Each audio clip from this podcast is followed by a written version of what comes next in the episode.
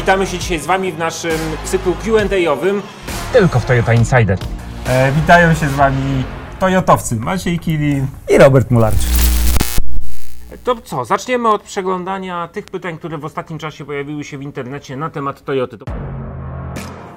Cytuję jedną z wypowiedzi, że piekło zamarza, O, że Toyota zdecydowała się na prawdziwy stop smog i że niebawem premiera bateryjnej linii samochodów tej marki, czyli tych BEV-ów, Battery Electric Vehicle. tak, e, to prawda, niebawem, niebawem w Europie dodajmy.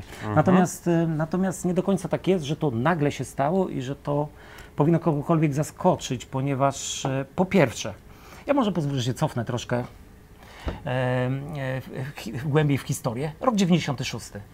I wtedy Toyota zaprezentowała jednocześnie trzy modele i trzy zupełnie różne technologie. E, Pierwszym to był oczywiście Prius pierwszej generacji, samochód hybrydowy.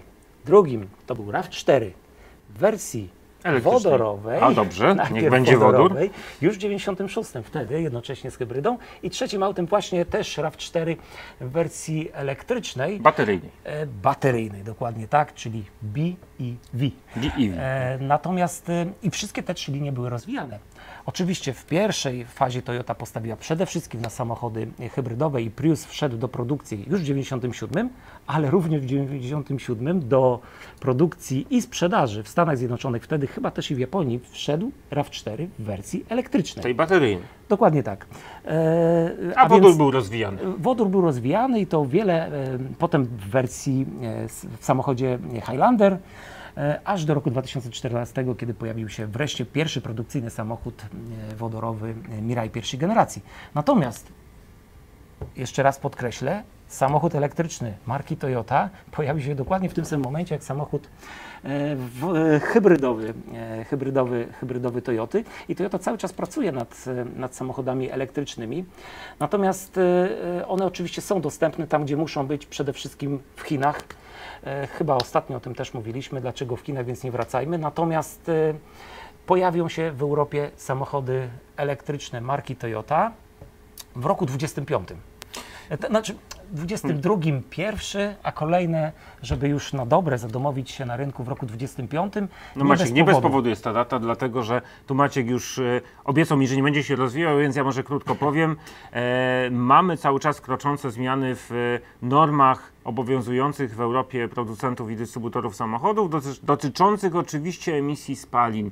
E, I mamy e, między innymi, to nie jest norma, mamy jak się to pięknie nazywa, mówię o, o, regulację europejską. Dziękuję Maćku. Regulację europejską KAFE, która nam mocno podcina skrzydła, jeżeli chodzi o możliwości emitowania przez sprzedawane nowe samochody zanieczyszczeń, czyli spalin do środowiska. Na dziś, na dzień dzisiejszy, nasze hybrydy, mówiąc kolokwialnie, załatwiają Toyocie w Europie możliwość sprzedaży bez ponoszenia kar za nadmierną emisję. Mieścimy się w emisjach, jako pewnie jedni z nielicznych, a może jedyni nawet.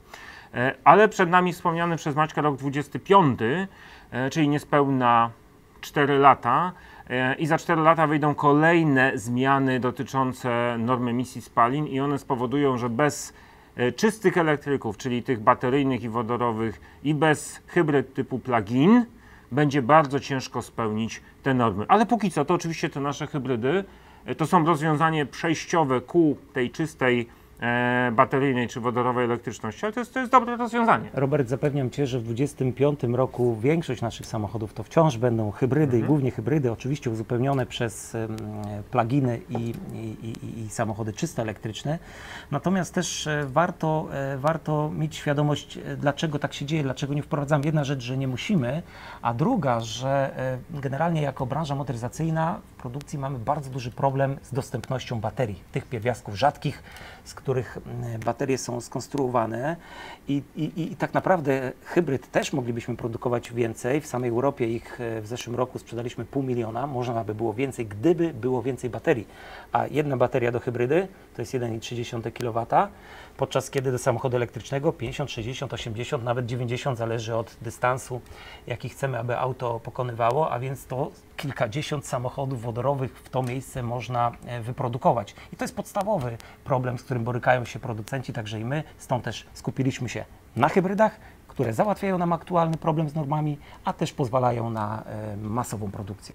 Tak, i, to jest, y, jak widzicie, stan bieżący. Dzisiaj my w ogóle nie bronimy się, żeby było jasne, i nie uciekamy od tematu elektryków. My doskonale sobie zdajemy tutaj w Toyocie na konstruktorskiej sprawę, że elektryki, czy to bateryjne, czy wodorowe, to jest ta niedaleka przyszłość motoryzacji. O właśnie, bardzo fajnie to powiedziałeś. Przyszłość motoryzacji, ale z drugiej strony zauważ, no jest ich mnóstwo już w ofercie e, samochodów elektrycznych. Nawet dziś można kupić e, wiele modeli, e, wielu producentów. Natomiast warto spojrzeć, jak to wygląda w, w rzeczywistości. Fakty. Sprzedaż samochodów elektrycznych. Dopiero co otrzymaliśmy świeże wyniki rejestracji za miesiąc maj. W Polsce zarejestrowano dokładnie 503 samochody elektryczne. 503, co daje przy y, 48 około tysiącach samochodów wszystkich zarejestrowanych około 1%, tak? Czyli widzimy, że to jest tak naprawdę wciąż niewielki odsetek. Y, w A tym- trzeba zauważyć, że ten segment, jak to mawiają eksperci, dynamicznie rośnie w ostatnich latach. Czyli gdzie tam był ten początek? Oczywiście dynamicznie rośnie, natomiast wciąż jest to 1%, 500 y, samochodów versus chociażby to, co my sprzedaliśmy y, w maju, to jest 3,5 tysiąca samochodów hybrydowych w tym samym czasie. Tylko jedna Toyota, a tu mówimy o wszystkich samochodach, e, wszystkich marek e, elektrycznych. Także to, jak powiedziałeś, wciąż będzie przyszłość. No tak, bo y, to, to nie jest żadna tajemnica. Wszyscy wiemy, że pewnym ograniczeniem tych rozwiązań elektrycznych no to jest chociażby obecna konstrukcja baterii, e, która no, wymaga jednak poświęcenia czasu na ładowanie, wymaga z potraktowania jej odpowiednim e, prądem e, przez dłuższy czas. No i w związku z tym różnego rodzaju ograniczenia się pojawiają, niedogodności i tutaj wchodzimy w funkcjonalność tych e, klasycznych bateryjnych samochodów elektrycznych, no ale nad bateriami się pracuje. Ja tu mam kolejne pytanie. E, Pytanie do nas, bezpośrednio. A gdzie ten stały elektrolit? Chodzi o, o akumulatory zawierające w sobie elektrolit stały, czy tak zwane po angielsku solid, states, battery, solid state batteries, o którym słyszeliśmy od dawna od Toyoty. No to odpowiadamy. Odpowiadamy. E, tak, to prawda. Toyota pracuje nad e, takimi bateriami e, wspólnie z firmą Panasonic zresztą od dawna. To wszystko zależy, co to znaczy dawno w, w, w porównaniu z technologią przemysłu motoryzacyjnego. Znowu pozwól, że odniosę się do, do historii. Pamiętajmy o tym, że każdą technologię trzeba przetestować. Tak. Prius, o którym mówiłem, wszedł do, e, został pokazany w 96, w 97 wszedł do sprzedaży. Tak. Ale prace nad nim trwały od roku 92. Zgadza się. Natomiast przez pierwsze 3 lata do roku 2000 oferowany był tylko na wybranych rynkach i sprzedawany w bardzo limitowanej ilości po to, żeby e, przetestować ten produkt po prostu. E, Baterie ze stałym elektrolitem, które Toyota opatentowała, na którymi pracuje i jest bardzo zaawansowana, e, tak naprawdę to trwa kilka lat. Nie pamiętam dokładnie, 2-3 lata e, od kiedy. Kilka ładnych lat kiedy temu zaczęła, zaczęła oficjalnie- się dyskusja wewnętrzna o tym, że pracuje Toyota jako Tak. organizacja nad tymi bateriami. One są coraz bardziej dopracowane. Świadczy o tym chociażby fakt, że od zeszłego, zeszłego roku Toyota jest gotowa na pokazanie tych baterii już w codziennym użytkowaniu bez taryfy ulgowej, bo one miały się znaleźć w samochodach elektrycznych, które będą jeździły po Tokio de facto w tym roku dopiero przez pandemię w ramach Igrzysk Olimpijskich i obsługiwały zawodników. Ja sobie nie wyobrażam, żeby e, te auta miały gdziekolwiek stanąć, czy zatrzymać się, czy mieć problemy techniczne i nie dowieść, nie wiem, e, drużyny siatkackiej na mecz. Dokładnie tak, a więc te auta nie, nie tylko miały się tam znaleźć, a tam się znajdą te baterie. W związku roku, z tym wszystkie samochody elektryczne Toyoty, które będą obsługiwały e, olimpiadę tegoroczną, tak, będą z tą e, nowoczesną e, baterią stałą. Natomiast też warto podkreślić, czym różni się ta No bateria właśnie, od klasycznej e, baterii litowo, litowo-jonowej. E, tak naprawdę ona eliminu, eliminuje wiele z wad klasycznych baterii. A więc po pierwsze jest od niej mniejsza, jest od niej sporo lżejsza i przede wszystkim ładuje się dużo, dużo, dużo szybciej. Ja wciąż nie podaję konkretów, ponieważ e, te wartości e, są, e, są testowane, ale mówi się o, o, o, zdecydowanej, zdecydowanej różni, różnicy. Co ważne, powiedziałeś o tych samochodach elektrycznych Toyoty. W poprzednim pytaniu na ten temat rozmawialiśmy. Rok 25 to będzie rok, kiedy pojawią się w sprzedaży samochody Toyoty właśnie ze stałym elektrolitem, a więc jeszcze kilka lat przed nami. Tak, i to myślę, że będzie przełom. To, o czym mówi chociażby nasz prezes tutaj w Polsce, że dopiero pojawią pojawiają się tego typu baterii. To ważne, trzeba mieć w głowie, że nie tylko Toyota pracuje nad tego typu rozwiązaniem, ale możemy śmiało powiedzieć prosto do kamery, jesteśmy naszym zdaniem najbardziej zaawansowani w tej technologii, wspierani przez rząd japoński, w związku z czym można liczyć, że jak już się ta technologia za chwilę pojawi w użytku dla wszystkich, no to to będzie technologia rzeczywiście sprawdzona i ona będzie dawała ten tak zwany benefit, czyli korzyść względem starej technologii baterii. I to pewnie będzie przełom w bateryjnych samochodach elektrycznych już, już za parę lat. Dokładnie. E, To co, przechodzimy bardziej do, do przyziemnych e, spraw, już zejdźmy z tej elektromobilności. Proszę bardzo, kolejne pytanie. GR Sport. Czy poza pakietem stylistycznym czymś się różni? Może wyjaśnijmy, co to jest GR Sport w ogóle na początku. No właśnie, e, GR, znowu te skróty, dzisiaj o tym mówiliśmy. GR Gazu Racing. Tak, Gazu Racing, a więc samochody sportowe e, Toyoty. W ogóle jak popatrzymy na, mm, na to, jak wygląda e, pomysł Toyoty na samochody sportowe, a więc na górze tej piramidy mamy takie auta stricte sportowe, które e, jeżdżą e, w, rajdach, w WRC. To są samochody, które typu Hilux, które jeżdżą na Dakarze na przykład. Albo w WRC w rajdach e, naszej Jarisy. WRC. tak, nasze Yarisy, czyli, czyli, czyli typowe takie Gazu Racing Team. To Nasz nie są uliczne samochody. To nie są uliczne samochody, tych nie można kupić. Natomiast No. Mamy samochody niżej. typu GR i tu jest GR Yaris, GR Supra chociażby i to Mhm. są samochody, które możemy kupić, samochody, które zostały zbudowane właśnie po to, aby były sportowe już z założenia, po to, aby dawać przede wszystkim e, radość z jazdy. Są te, to są te dwa samochody, gdzie mamy zupełnie auto zbudowane od podstaw po to, aby e, było super sportowym samochodem. No a potem mamy GR Sport, czyli GR to, o, Sport. o czym było pytanie, to jest ten core pytania, prawda? Tak, e, i GR Sport i dokładnie jak tutaj e, pada pytanie, to jest linia stylistyczna. Potwierdzamy. A więc e, e, te auta mają wyglądać ciekawiej. Pewne elementy stylistyczne nawiązujące do sportu, aczkolwiek to jest pakiet stylistyczny. W związku z tym znajdziemy tam standardowy układ napędowy, Standardowe zawieszenie. standardowe zawieszenie, aczkolwiek w przypadku chociażby modelu Corolla możemy e, mieć opcję aktywnego zawieszenia i tam jeszcze bardziej je e, przystosować do tej mo- nieco, strict, nieco pseudosportowej e, sportowej e, jazdy, aczkolwiek, aczkolwiek generalnie z założenia jest to tylko pakiet stylistyczny. No tak, jesteśmy przy Corolli, to kolejne pytanie od y, internauty. Odebrałem jakieś 3 tygodnie temu Corollę 1.8 hybryda w hatchbacku. Gratulujemy. Brawo. E, Jeżdżę normalnie. Samochód pali mi 5,6 litra. Czy to jest kwestia tego, że głównie jeżdżę po mieście jakieś 5-6 km? Czy po prostu kwestia taka, że na początku samochód więcej pali, a potem się unormuje? Bo widzę, że ludzie wstawiają, że im pali po 4,5-5 litrów maksymalnie. No to, to teraz ja się zapytam Maćka. Maciek jest nie tylko doskonałym inżynierem i jednym z menadżerów w Toyocie, ale też E, on potrafi jeździć. Ja parokrotnie z nim jeździłem, jeździ normalnie, a potem w tych hybrydach jego jakieś wyniki wychodzą nieziemskie tego niskiego zużycia. No to Maćku, przyznaj się, na czym to wszystko polega i spróbuj podpowiedzieć parę rozwiązań. O i tak powiedziałeś, że ktoś jeszcze może pomyśleć, że jakiś stary jestem i jeżdżę jak kapelusznik. Nie, nie, właśnie jeździsz normalnie, o to mi chodzi. Tak, właśnie tutaj e, też internauta pisze, że jeździ normalnie. Mhm. E, no tak, kilka kwestii tutaj jest, e, trzeba, e, o kilku kwestiach trzeba pamiętać.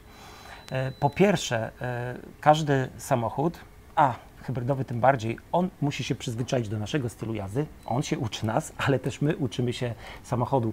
Rozumiem, że to jest pierwsze doświadczenie e, tego internauty Tak zakładamy, z nie wiemy. autem hybrydowym, w związku z tym hybrydą jeździ się trochę inaczej. I trzeba się do tego e, przyzwyczaić, trzeba się tego, tego też trochę nauczyć, jeżeli chcemy, aby nasz samochód był dużo bardziej em, efektywny, dużo, dużo bardziej ekonomiczny. No to Maćku, to jak jeździć? No właśnie, pamiętajmy o, o, o, o, kilku kwestiach. Przede wszystkim płynność. Nie chodzi tu o jazdę powoli. Można jeździć szybko, prawda? Ja jeżdżę, uważam, normalnie, z, powiedzmy zgodnie z przepisami, raczej jak standardowy, e, standardowy kierowca. Natomiast ważna kwestia płynność, czyli po pierwsze jak przyspieszamy, aby wykorzystać jak najwięcej silnik elektryczny, tak, przy ruszaniu. To jest raz. E, Na dwa jak hamujemy chyba, tak? Bo to jest to, ten element hybrydowy. Dokładnie, nawet ważniej, ważniejsze, bo e, przy hamowaniu samochód hybrydowy hamuje w pierwszej fazie zawsze silnikiem elektrycznym, a więc zaczyna działać prądnica, która ładuje, nam, odzyskuje nam e, prąd z, hamo, e, z hamowania. E, Czyli dwie czemu- korzyści. e, nawet powiedziałbym, że trzy, bo oprócz tego, że hamuje, ładuje baterię, to jeszcze nie zużywa nam klocków i pamiętajmy o tym, że nie emituje pyłów, które em, pojawiają się przy ścieraniu klocków. O tym się nie mówi, ale tak naprawdę To jest ponad bardzo ważny połowa temat pozorom, tak. zanieczyszczeń w mieście z samochodów to wcale nie CO2, to wcale nie to, co wychodzi z rury, tylko to, co wychodzi e, z kół, z klocków. To Także są ścierające się klocki i to są Dokładnie. też zużywające się gumy, bo tam też jest mikropylenie. Tak są jest. bardzo ważne informacje, ale to Tak zostawmy jest. te wątki Natomiast na razie. tak, to, czyli to pierwsza rzecz. Mhm. Samochodu trzeba się troszkę nauczyć. To jest pierwsza rzecz. Druga rzecz, tu mm, e, pan pisze, że e, 5-6 km. Dystans tak pokonywany w mieście. No właśnie, e, no właśnie. Tutaj, tak jak w przypadku każdego samochodu z silnikiem benzynowym. Samochód, kiedy ma silnik zimny, nierozgrzany, pali więcej. Tak. W przypadku hybrydy, i to jest też bardzo ważne w przypadku hybryd Toyoty, to jest troszkę niekoniecznie w, tak samo w innych hybrydach, zawsze na początku samochód stara się nagrzać silnik. Zawsze. Czyli pomimo, że mamy pełną baterię, moglibyśmy spokojnie e, poruszać się na silniku elektrycznym, ruszać silnika elektrycznego. Nie, zawsze na początku załączy nam się silnik spalinowy po to, żeby samochód, silnik po, nadgrze, po nagrzaniu palił mniej i emitował mniej.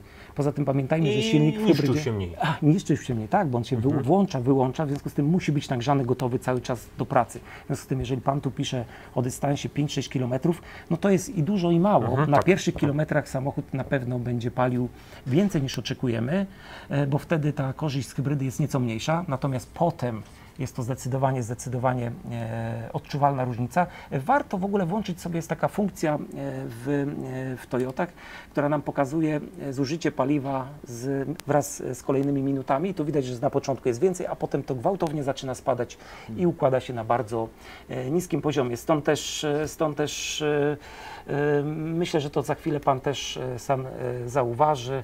Ten dystans też, też jest ważny. Ja zapytam jeszcze naszego eksperta od jeżdżenia hybrydowego. Maćku, ty jeździłeś przecież e, i Corollą, e, i Rawem. No to tą, o tą Corollę cię zapytam to. Ile tobie palił taki hybrydowy samochód po mieście? Ile palił? Znaczy, no, no cóż, e, tak, to zużycie na poziomie 4 litrów to jest, e, to jest w, moim przypadku, e, w przypadku e, norma i to niezależnie jak, jak, jakiej wielkości jest, e, jest to auto. W przypadku CHR-a udawało mi się zejść nawet niżej. E, Jeżdżę w tej chwili Camry, to jest spalanie na poziomie 4,8 e, i jazda miejska, podmiejska, a więc takie standardowe. Bez komentarza. standardowe. Zostawiam to bez komentarza, bo ja też rzeczy hybrydą, ale nie będę tutaj się chwalił, bo nie ma czym. Nie jest po prostu, zawsze o tym mówię. Po prostu ty Maćku- też musisz pamiętać, że hybrydą jeździ się inaczej. Nie ma o czym. To przejdźmy może dalej do mniej wstydliwych tematów, a nadal hybrydowych. Kolejne pytanie. RAV4 Hybrid JBL, czyli z e, pakietem tym e, wysokiego wyposażenia i z e, nagłośnieniem JBL-a. Jak to jest z tą ekoskórą, którą mamy w środku po kilku latach używania? Czy ulega szybkiemu zniszczeniu, czy lepiej dopłacić do wersji Executive, tej najwyższej, e, albo wziąć po prostu zwykłą tapicerkę? W Executive mamy pełną skórę taką pachnącą, E, a zwykła tapicerka, no to tłumaczę taki welur. Welur kiedyś, teraz bardziej materiał. Tak. No tak, to pytanie nie tyle o RAV4, ale generalnie o, e, o tapicerki. E, Warto zadać sobie pytanie, dlaczego została stworzona e, skóra ekologiczna w, e, w samochodach. Pierwsza odpowiedź, która rzuca się na, na myśl, to żeby było taniej dla klienta i łatwiej dla fabryki. E, tak, nie ukrywam, że, że, że też. Skóra oczywiście e, ekologiczna jest, e, jest tańsza w produkcji, natomiast pamiętajmy o kilku kwestiach. Po pierwsze, zacznę od skóry skóry. Więc e, tutaj pro, proszę też zwrócić uwagę na nazewnictwo. W samochodach mówimy nie o skórzanych fotelach, o skórzanych siedzeniach. E, Różnica trudno wyczuć, ale jest zasadnicza, ponieważ e, jeżeli mówimy o siedzeniach, e, skórzane jest siedzisko, czyli to, gdzie element e, kontaktu Czy plecami, ciała z, czy tak, tak, tak. udami, czy innymi częściami ciała dotykamy do fotela. Tak, i to wtedy jest wykonane z prawdziwej, naturalnej skóry, natomiast wszystkie elementy z boku, z tyłu fotela, one są też ze skóry ekologicznej. To jest raz. Po drugie, e, skóra naturalna, no o nią trzeba dbać. E, Oczywiście trzeba ją natłuszczać, tak? Ona nie, nie może za bardzo wysnąć. Ona bardzo nie lubi e, słońca. Jeżeli nam za bardzo wyschnie, skóra potrafi być, robi się bardzo twarda, potrafi pękać. W związku z tym o skórę trzeba dbać. I tak naprawdę to był główny powód, dla którego pojawiają się coraz częściej skóry ekologiczne, które w tej chwili z wyglądu już bardzo, bardzo, bardzo, bardzo się. przypominają One nie pachną skóry. Nie pachną, natomiast e, też przy tej okazji nie wymagają pielęgnacji, są Mhm. bardzo proste w, w, w eksploatacji codziennej. W związku z tym, no, oczywiście na koniec, ja, ja wolę mieć w samochodzie prawdziwą skórę, ale pamiętajmy o tym, że ta, ta ekologiczna ma też swoje zalety. E, To zostajemy w temacie rawa hybrydowego, ale pytanie jest chyba bardziej z gatunku tych pytań o podmiot, czyli generalnych. Jak często w rawie hybrydowym wymieniać olej silnikowy? Zobaczyliśmy takie pytanie w internecie. E, Więc ja rozszerzę temat, jak często w samochodzie hybrydowym Toyota trzymać się tego, należy wymieniać olej. Bardzo dobre pytanie i bardzo często się e, z tego typu e, kwestiami spotykam. No cóż, e, tak naprawdę dokładnie tak samo często jak w przypadku e, zwykłego samochodu z silnikiem e, benzynowym. Toyota zaleca, aby było, aby było to co 15 tysięcy kilometrów. E, Przy czym e, e, pamiętajmy, że, e, że jest dokładnie ten sam olej, to jest praktycznie bardzo podobny silnik, chcę powiedzieć ten sam, bo on ma trochę inne sterowanie, e, inne, in, inne wtryskiwacze, tryb pracy, natomiast bazuje na tym samym silniku i, i to co ważne, wymieniamy olej, ale w przypadku e, samochodu e, z silnikiem z napędem e, hybrydowym Toyota nie wymieniamy nic więcej, tak? Tak. Czyli tam nie ma na przykład żadnych pasków, które, e, które występują już w konwencjonalnym e, rawie 4, w hybrydowym absolutnie nie. W związku z tym tak naprawdę nie robimy nic więcej, jeżeli chodzi o przeglądy.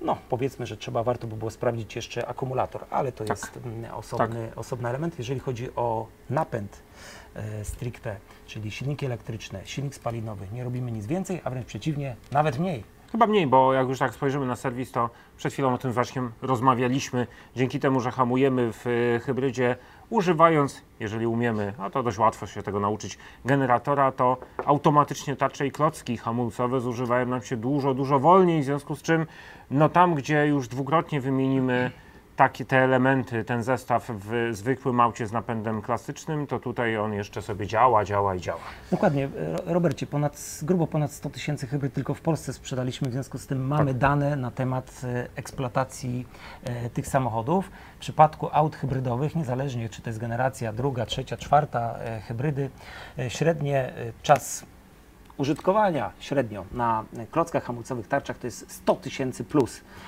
podczas kiedy w przypadku standardowych hamulców, hamulców standardowych samochodów, no to jest bliżej, no powiedzmy 45 tysięcy. Już mnie to zabolało, bo ja wiem, jakie ja miałem w zwykłym aucie przebiegi do wymiany. Oczywiście, oczywiście, oczywiście zdarza się, że co przegląd, co 15 tysięcy, Tak. niektórzy wymieniają te klocki, nie w hybrydzie. Nie w hybrydzie, tak, to prawda, to To prawda. raczej, nawet To chyba prawda. tobie się nie uda ten, ten, To, ten, to, jest, to, jest, wynik. to jest prawda.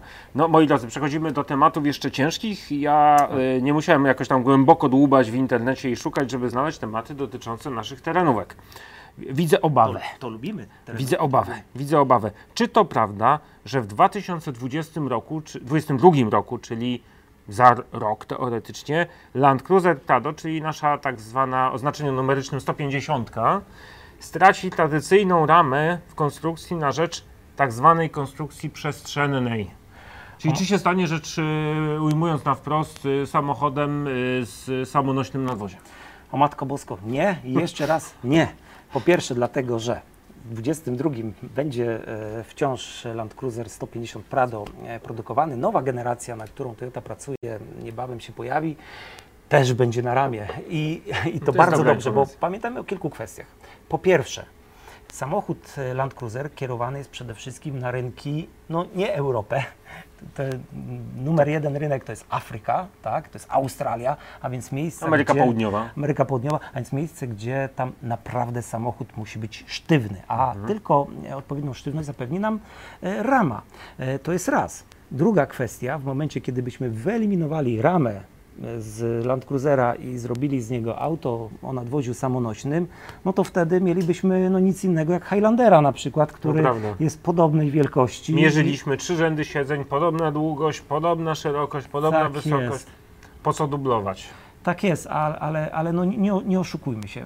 W prawdziwym terenie, nawet tutaj mm, okazjonalnie użytkowanym, gdzie potrzebny jest, wykorzystamy naprawdę i reduktor, Mhm. i prawdziwy wykrzyż, wykrzyż osi. Kiedy, kiedy pojeździmy tym autem, rama musi być, sztywność jest potrzebna. To nie da się osiągnąć samochodem z napędem samonośnym. a to w związku z tym, dopóki Land Cruiser będzie Land Cruiserem, będzie na ramię. Mhm. I to jest dobra informacja. To, to jeszcze jedno pytanie, tym razem troszeczkę się cofamy. Pytanie użytkowe. Poprzednik, czyli Land Cruiser serii 120. Jest pytanie od jednego z użytkowników, chyba przymierzającego się chyba do, do zakupu takiego auta jako używanego. Pytanie do użytkowników Land Cruiserów 120 jeżdżących autostradami na długie dystanse. Czy jazda powyżej 120 km na godzinę nie męczy tego auta? Męczy. Różne rzeczy słyszałem o pękających tłokach i że nie lubią one prędkości. No właśnie, to chyba nie jest temat związany z prędkością. No właśnie, to chyba nie jest e, temat do końca związany z oryginalnym e, silnikiem. E, co mi od razu przychodzi do głowy, słysząc e, tego typu pytanie? Land Cruiser serii 120, zresztą 150 e, podobnie. E, jedną, jednym z rzeczy, które e, zgłaszali nasi klienci, to była niska moc. Tak, jeden i drugi miał około 170 koni, 171 o ile dobrze Te auta w końcu się miały wysoki moment obrotowy, który jest bardzo potrzebny do jazdy właśnie czy to na nierównej, zwykłej drodze, czy później Tak. w terenie. I tak był ten samochód wymyślony i skonstruowany pod trudne drogi w innych nieco rejonach niż Europa. W związku z czym tu w Europie, gdzie my jesteśmy przyzwyczajeni do trochę poganiania tymi nazwijmy to suwami, no bo Cruiser nie jest suwem po asfaltach, no to te niecałe 200 koni mocy to nie była jakaś naprawdę przebojowa, wysoka tak, moc. e, dokładnie tak jest, dokładnie tak jest. Ta moc maksymalna, wysoka moc to przede wszystkim prędkości e, maksymalne. W związku z tym, jeżeli ktoś chciał jeździć na e, au, e, autostradami szybko, bardzo często stosowano e, tak zwany chip tuning.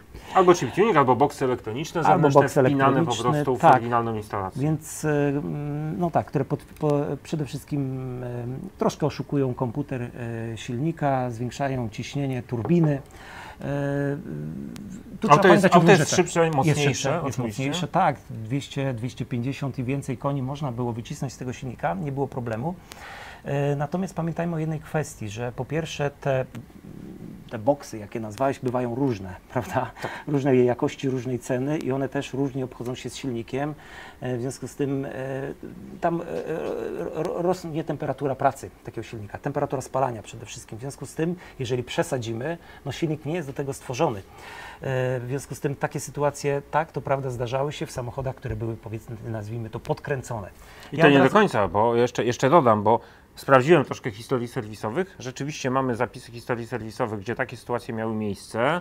E, zdarzało się dość często, że my żeśmy e, trochę przymykali oko i nawet e, pomagali serwisowo ogarnąć te samochody z pomocą tu centrali na konstruktorskiej, ale bardzo często te samochody mając podkręcone te silniki jeszcze na autostradach, to stąd pewnie ten, to, to zapytanie o stałą jazdę z e, wyższą prędkością niż miasto, niż na miasto, one ciągnęły jeszcze przyczepy. Były załadowane czy to przyczepami jachtowymi, czy przyczepami z końmi, bo do tego się w Polsce między innymi Land Cruiserów używało i używa. Dokładnie tak. Ja jeszcze może przypomnę e, swoją rozmowę z chief inżynierem od Land Cruisera, jak wprowadzaliśmy na rynek Land Cruiser e, serii 150. Kilka lat temu już to było. Natomiast e, zapytałem go, dlaczego tylko 170 koni, dlaczego nie więcej, dlaczego nie, nie wiem, 200, 250, przecież ten silnik potrafi. I on wtedy mi powiedział jedną ważną rzecz, że mm, e, gdyby ten silnik przy założonej jego trwałości, jakości, tego ile lat ma przeżyć, e, miał, miałby, e, uzys- uzyskałby to przy 200-250 koniach, to tyle by miało. Jeżeli ma 171, nie bez powodu, tak? To znaczy, że, że Został on osobiście- tak, na- na człowiek, który moc. tworzył ten samochód, który zna go od podszewki, powiedział, że nie powinno się tego robić. Oczywiście Mhm. można, ale to wszystko zależy od tego, jak będziemy te, to auto eksploatowali, trzeba o tym pamiętać. W sytuacji, Mhm. kiedy mamy standardowe auto, standardowy silnik, te 170 koni, w tej chwili już 204, tak, ten nowy Land Cruiser ma ich nieco więcej, 500 Nm, e, no to wtedy, wtedy problemów, e, problemów nie ma. Także tu akurat, jeżeli możemy coś doradzić, to bym sugerował nie przejmować się na wyrost, ale sprawdzać historię serwisową, bo to można w tej chwili, jeżeli auto pochodzi z pewnego źródła, było kupione w Polsce, nie ma problemu z dotarciem do historii serwisowej, sprawdzać co tam się działo.